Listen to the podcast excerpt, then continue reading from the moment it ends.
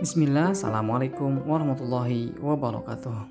Alhamdulillah, puji syukur karir Allah subhanahu wa ta'ala. Salawat besar salam, semoga limpah curakan kepada baginda Nabi Muhammad Sallallahu alaihi wasallam. Baik sahabatku sekalian yang senantiasa dirahmati oleh Allah Yuk kita kembali ngopi, ngobrol penuh inspirasi dan motivasi.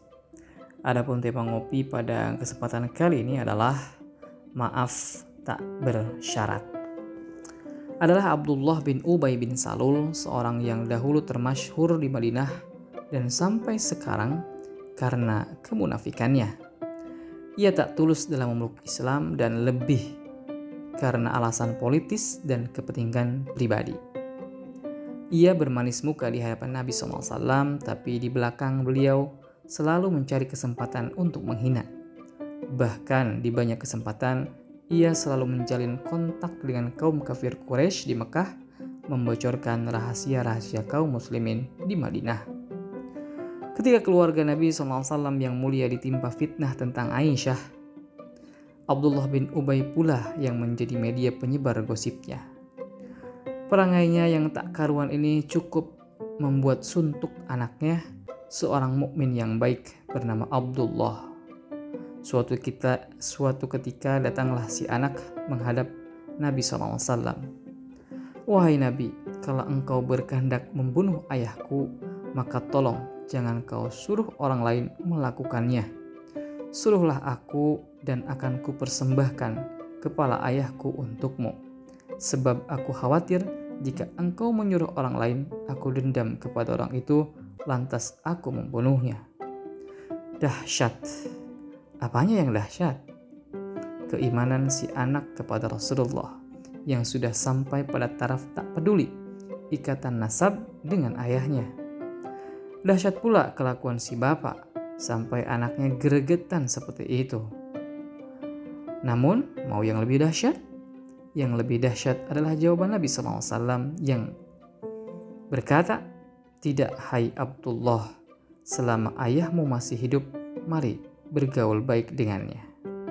Oh Rob, tiba-tiba saya membayangkan andai kita berada di posisi Rasulullah dengan kalimat apa hendak menjawab.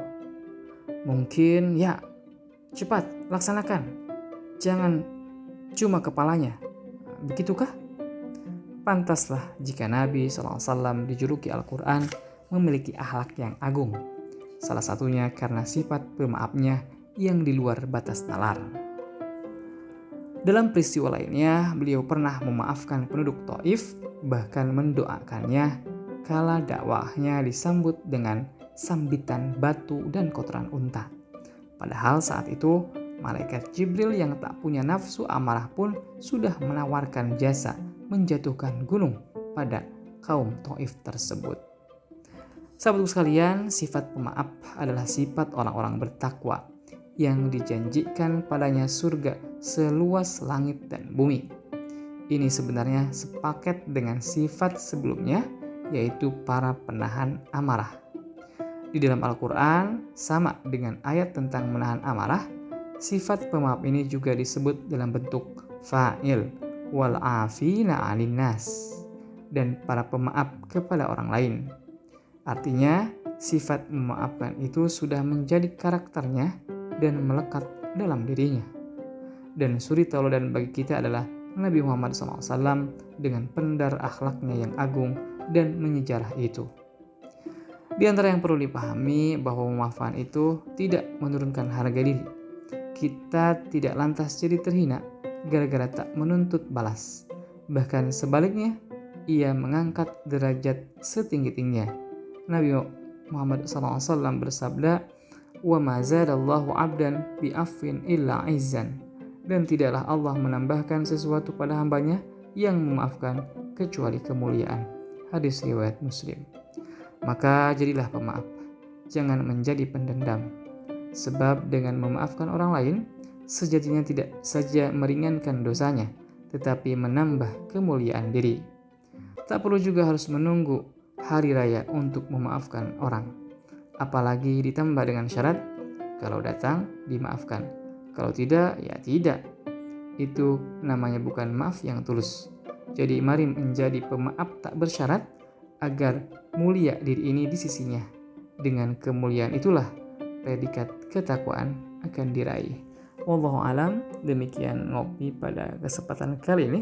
Insya Allah kita akan ketemu di kesempatan ngopi berikutnya. Terima kasih. Assalamualaikum warahmatullahi wabarakatuh.